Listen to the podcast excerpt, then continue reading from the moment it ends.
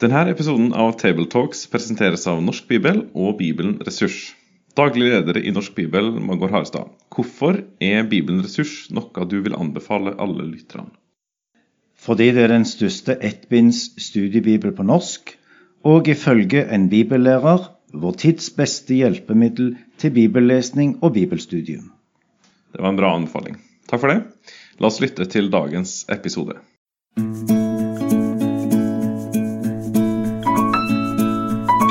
Velkommen til denne episoden av podkasten Tabletalks Søndagsteksten, som blir presentert av den kristne ressurssida foross.no.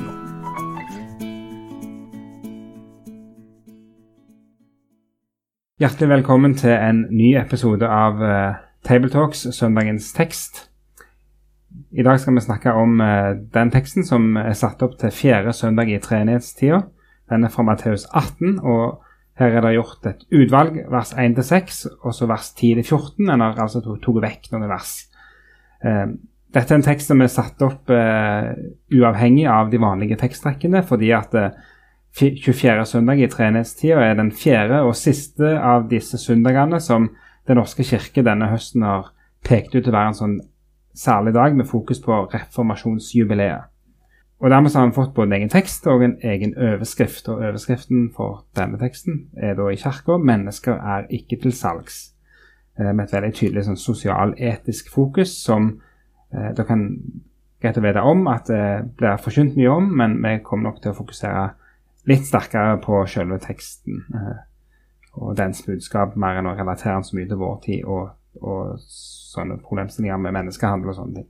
Men vær klar over at det er et tema for søndagen, og det er jo litt grunnen til at f.eks. Salme 8 er satt opp som en av disse tekstene. Med meg i panelet i dag så har jeg Toril Slottsveen Asp. Og Sverre Bøhm. Og jeg er Knut Kåre Kirkholm. Og nå skal Toril få lov å lese teksten fra Matteus 18.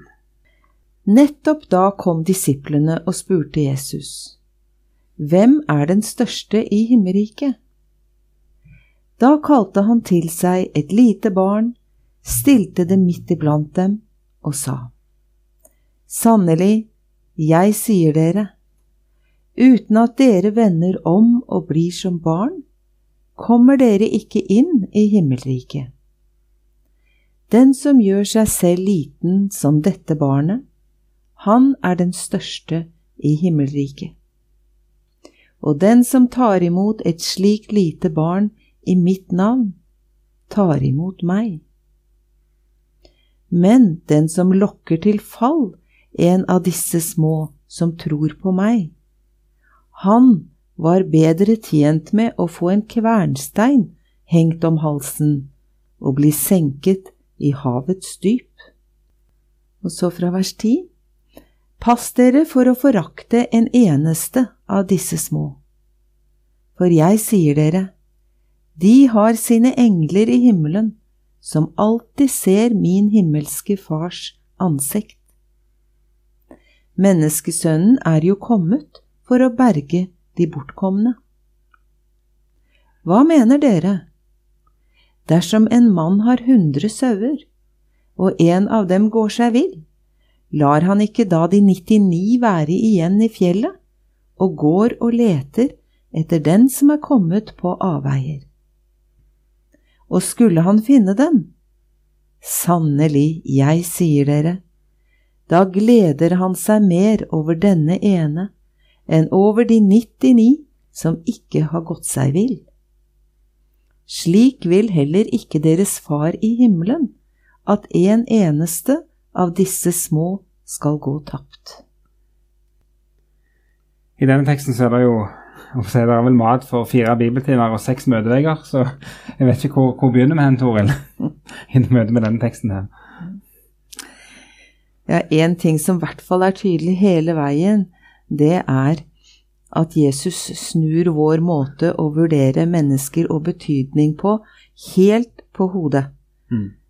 Det er det lille barnet, det er eh, søvn som har rota seg bort, og det er hele tiden snakk om disse små mm. som han løfter opp for at vi skal fokusere på hva, hva det innebærer. Mm. Og dette å spørre om hvem som er størst, det gjør vi kanskje ikke, for det er vi litt for fromme til. Men jeg tror kanskje at vi innvendig tenker liksom er det noen som ser meg her, og, og det var hyggelig at noen sa det var en god preken, og Mm. ja, sier jeg, å ja, det er da så lite, og utapå så har jeg en sånn fromhet som, som ikke, Jeg vil ikke vise hvor godt det gjør meg å få ros og ære. Men um, så tenker jeg det, når disiplene spør hvem som er størst, så viser jo også det at det, det er liksom et viktig spørsmål for dem. Mm, og de ærlige. Det skal de ha for. Ja. Ja. Det får være deres ros. Jeg leste også noe om at Kumran-fellesskapet, dette troende fellesskapet i Israel, de hadde veldig tydelig beskrevet en sånn rangordning. Mm. At de største, det var de som hadde den type kunnskap, og så var det noen lenger ned, og så var det de minste. Og så hadde de til og med en sånn veiledning som sa at sånn skulle det forbli. Mm -hmm. Ja. Og hvis disiplene kjente det dette her, så, så var de kanskje allerede begynt å forstå at eh, denne tankegangen stemmer ikke helt. Jesus gjør en del på tvers. Mm. Hvem er egentlig størst? Mm. Og svaret sjokkerer som vanlig. Ja, og da, ser, da, da står de jo der, og så kaller han til seg et barn, så han må jo kanskje vinke på en liten femåring, da, Mm. og si du, kom hit, kom hit. Og så stiller han denne femåringen midt mellom dem. Så står alle disiplene rundt, og så begynner Jesus og femåringen å være sånn tydelig tale. Sånn som dette barnet, skjønner dere. Mm. Sånn. Jeg leste i en, en bibelkommentar at eh, i parallellteksten i Markus så, så skjer det innendørs i Kapernaum. Og da var det, begynte han å Kanskje det er hjemme hos Peter? Kanskje det er gutten til Peter som liksom hentes? Ja. Hvem vet? Men det, det, gjør jo, det gjør jo denne situasjonen veldig sånn Dette skjer i vår verden, det er på bakken. Det er ikke noe sånn høytsvevende filosofi for Jesus. Det er liksom en unge der. Det er utrolig flott. Ja, og at han ikke underviser bare med prinsipper, holdt jeg Mm. på å si, men, men de måtte se det barnet. Mm. Jeg lurer på hva de tenkte. Jeg tror ikke det var det svaret de hadde forventa seg. Nei, tenk på, Du sa jo du har jo veileda en masteravhandling for noen år siden, husker jeg, om dette med å bli som barn. Og eh, Kan du fylle litt med dette med å være barn?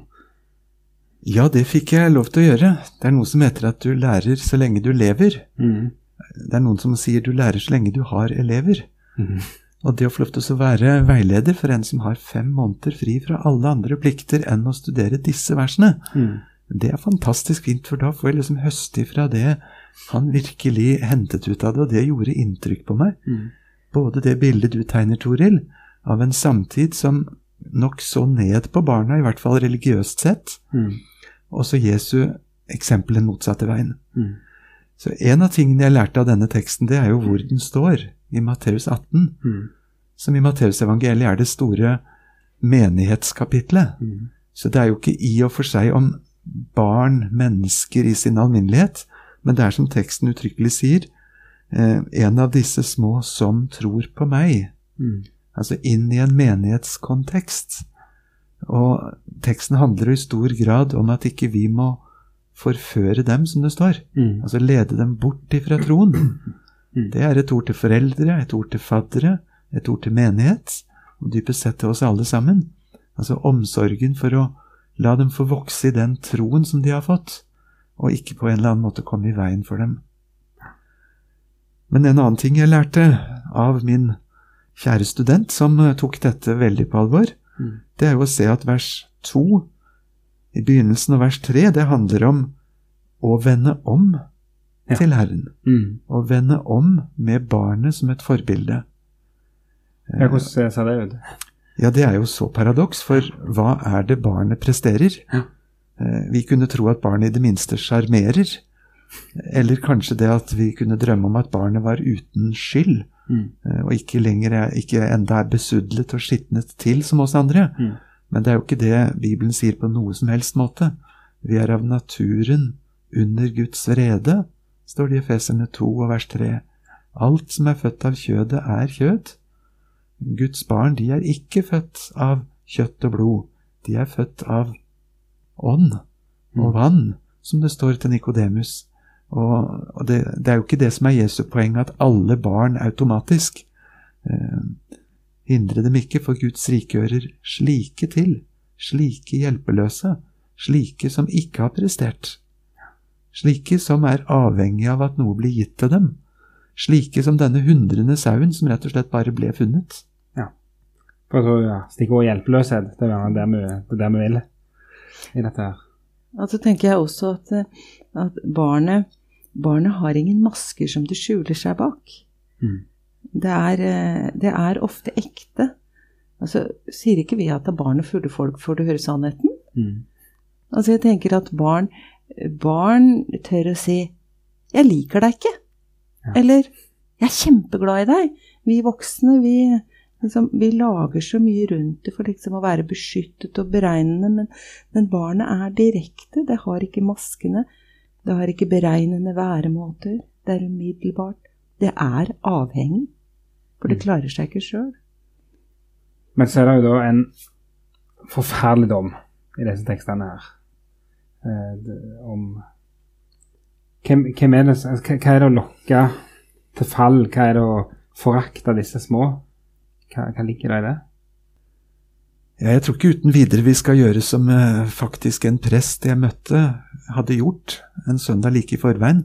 Mm. Han hadde fra prekestolen i gudstjenesten lest opp navnet på alle de kommunestyrerepresentantene som hadde stemt mot en kristen formålsparagraf i kommunens barnehager. Mhm. Eh, Det var dristig gjort, Mm. og det var rett inn imot disse tekstene Ja. om ansvaret for å lede barna. Ja. Jeg tror ikke det var klokt gjort, og jeg tror ikke det var treffende slik sett.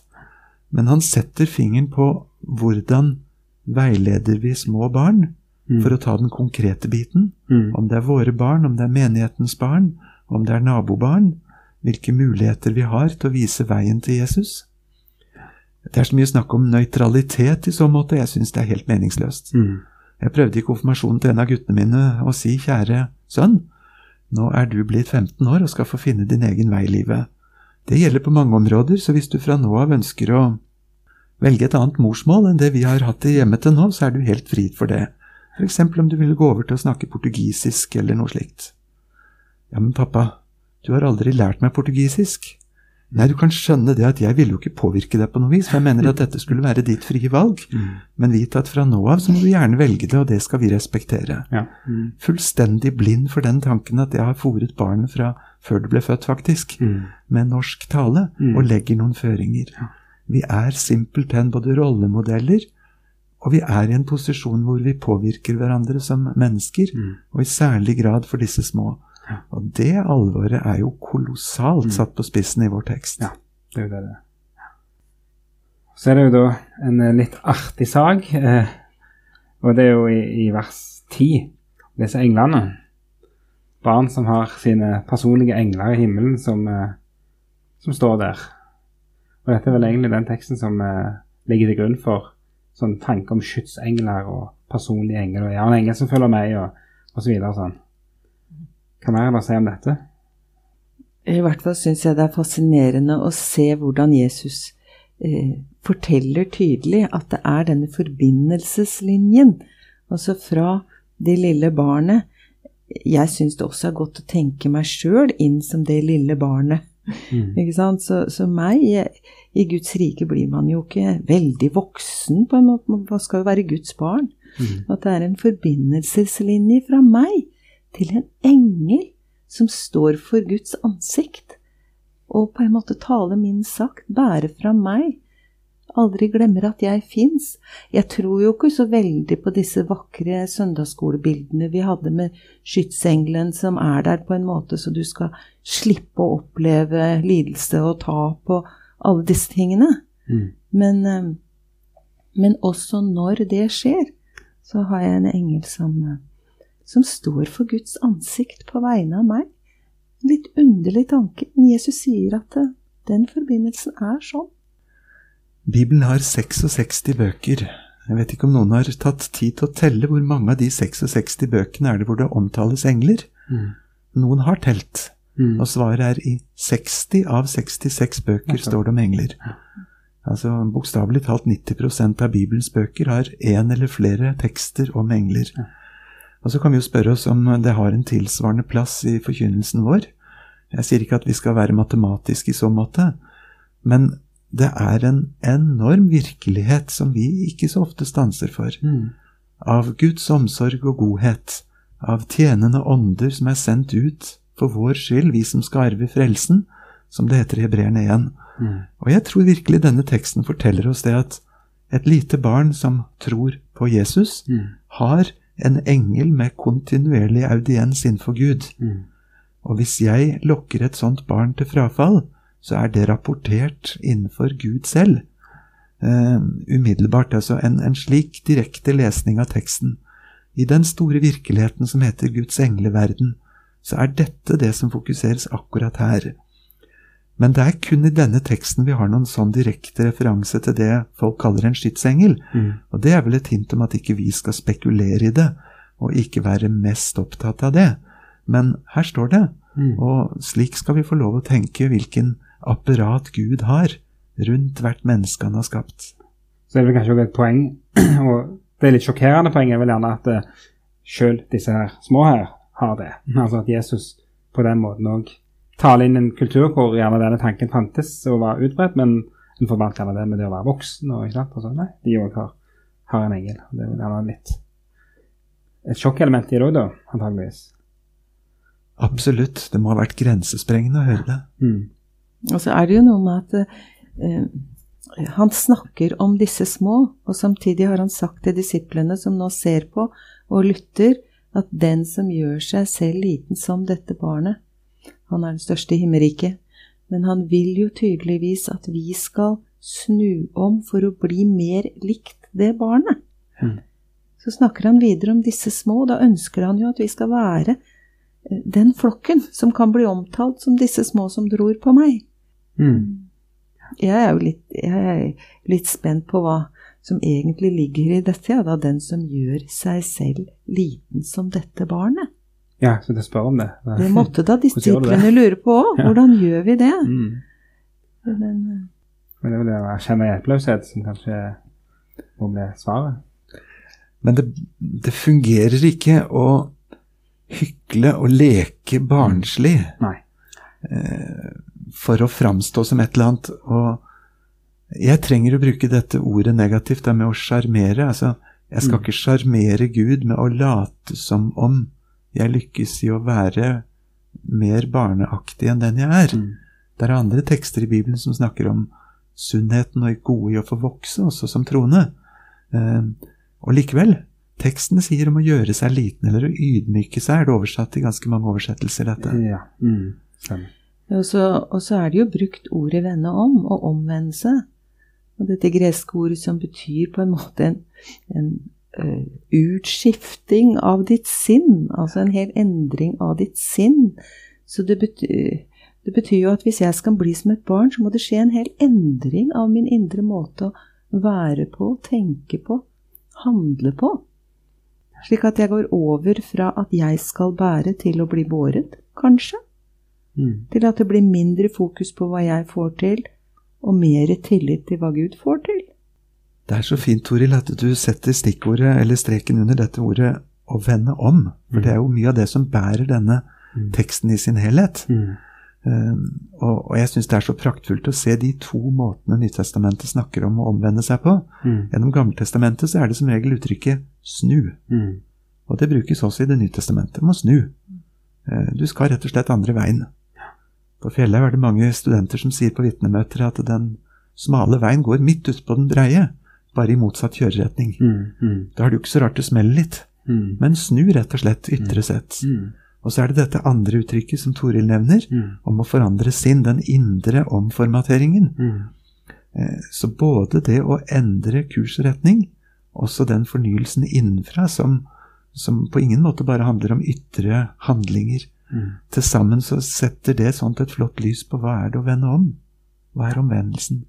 Og så er det jo en spennende overgang òg mellom Vi spurte i stad altså, hvordan gjør du deg sjøl som et lite barn, og så kommer da fortellingen om sauene.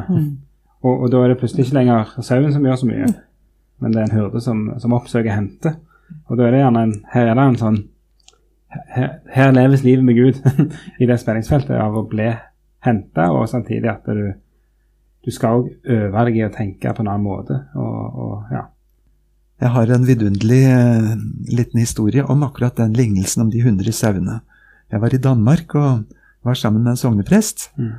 Der i menigheten så hadde de et sånt minikonfirmantarbeid, hvor de inviterte alle niåringer et sted mellom min kirkebok fire år, altså konfirmasjon, Mm. til en hel lørdag. Og så plasserte de ut 100 kosedyr overalt i kirken som de skulle prøve å finne igjen. Og så hadde de jo da holdt unna én, så det ble bare 99. Mm. Og gjennom hele lørdagen i kirkerommet så lette de etter denne hundren og fant den ikke. Mm. Og virkelig la ut om hvor eh, Jesu hjertelag og hyrde sin, som vil finne den siste. Mm. Men så var det jo da til overmål slik et år at plutselig hadde de funnet 100 ganske fort. Og da husket de at året før hadde de bare funnet 98. så rent pedagogisk så sleit de litt med å hente inn selve momentet. Mhm. Men jeg syns poenget er så praktfullt. Å la en vilter haug med niåringer få lete en lørdag til ende etter den hundrende sauen og si slik er Guds hjerte. Han vil, han leter, han slår seg ikke til ro. Mm. 99 er ikke nok for han. Mm. Den siste hundren er også så kjær for ham. Ikke sant. Ja, for det, det her med Guds frelsesvilje, det er en ting som eh, jeg tror vi alle kan betone sterkt nok i vår forkynnelse, at eh, Gud vil faktisk eh, menneskers frelse. Han er ikke en Gud som ikke vil det. det Og så er det noe med at jeg syns jeg syns det er lett, eh, i hvert fall jeg har båret med meg noe av en gud som er streng, Mm. også når han er fornøyd. Altså Mm. en slags strenghet også i gleden. Så for meg er det liksom flott å lese, da, at han sier at finner han denne sauen som har rota seg bort, så får ikke den sauen en reprimande. Nei. Men da gleder han seg mer over denne ene enn over de 99 som ikke har gått seg vill. Mm.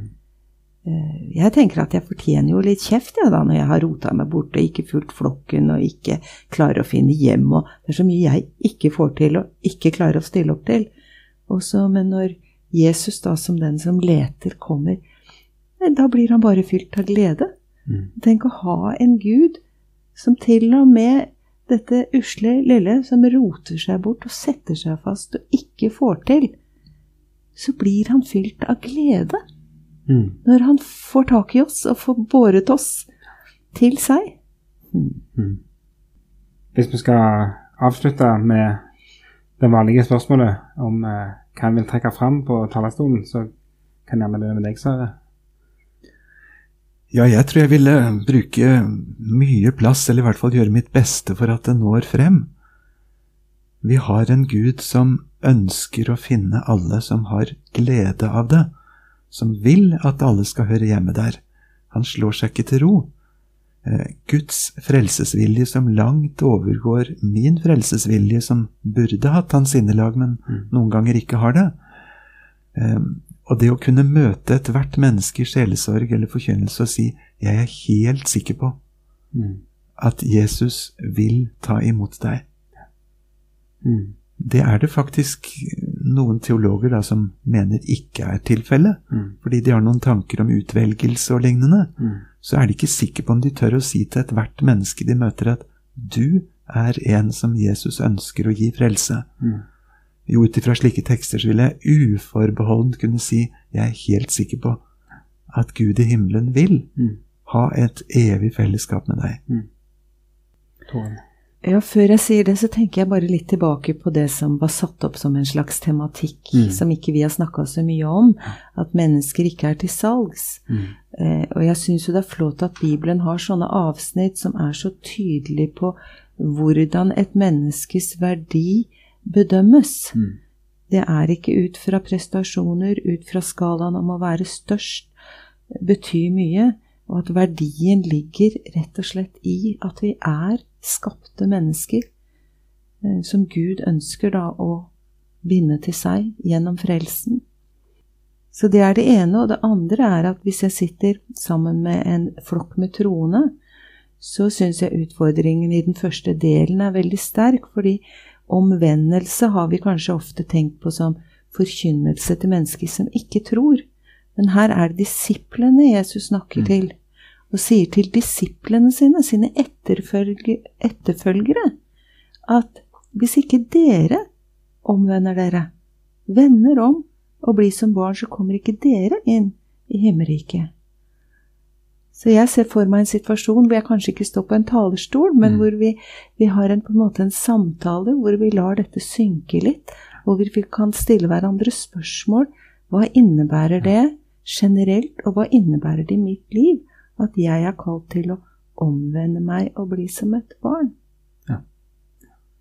Med det så skal vi runde vår samtale. Jeg vil ellers henvise våre lyttere til foross.no for andre ressurser.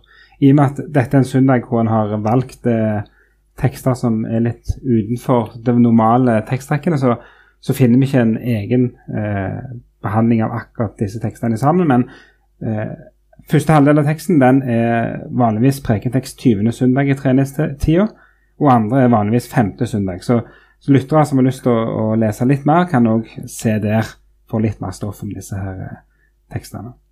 Og med det så vil vi igjen få lov å ønske takk for i dag, og, og lykke til. Eh, og til dere som skal tale over denne teksten. Og Guds velsignelse. Med det sier vi takk for følget for denne gang.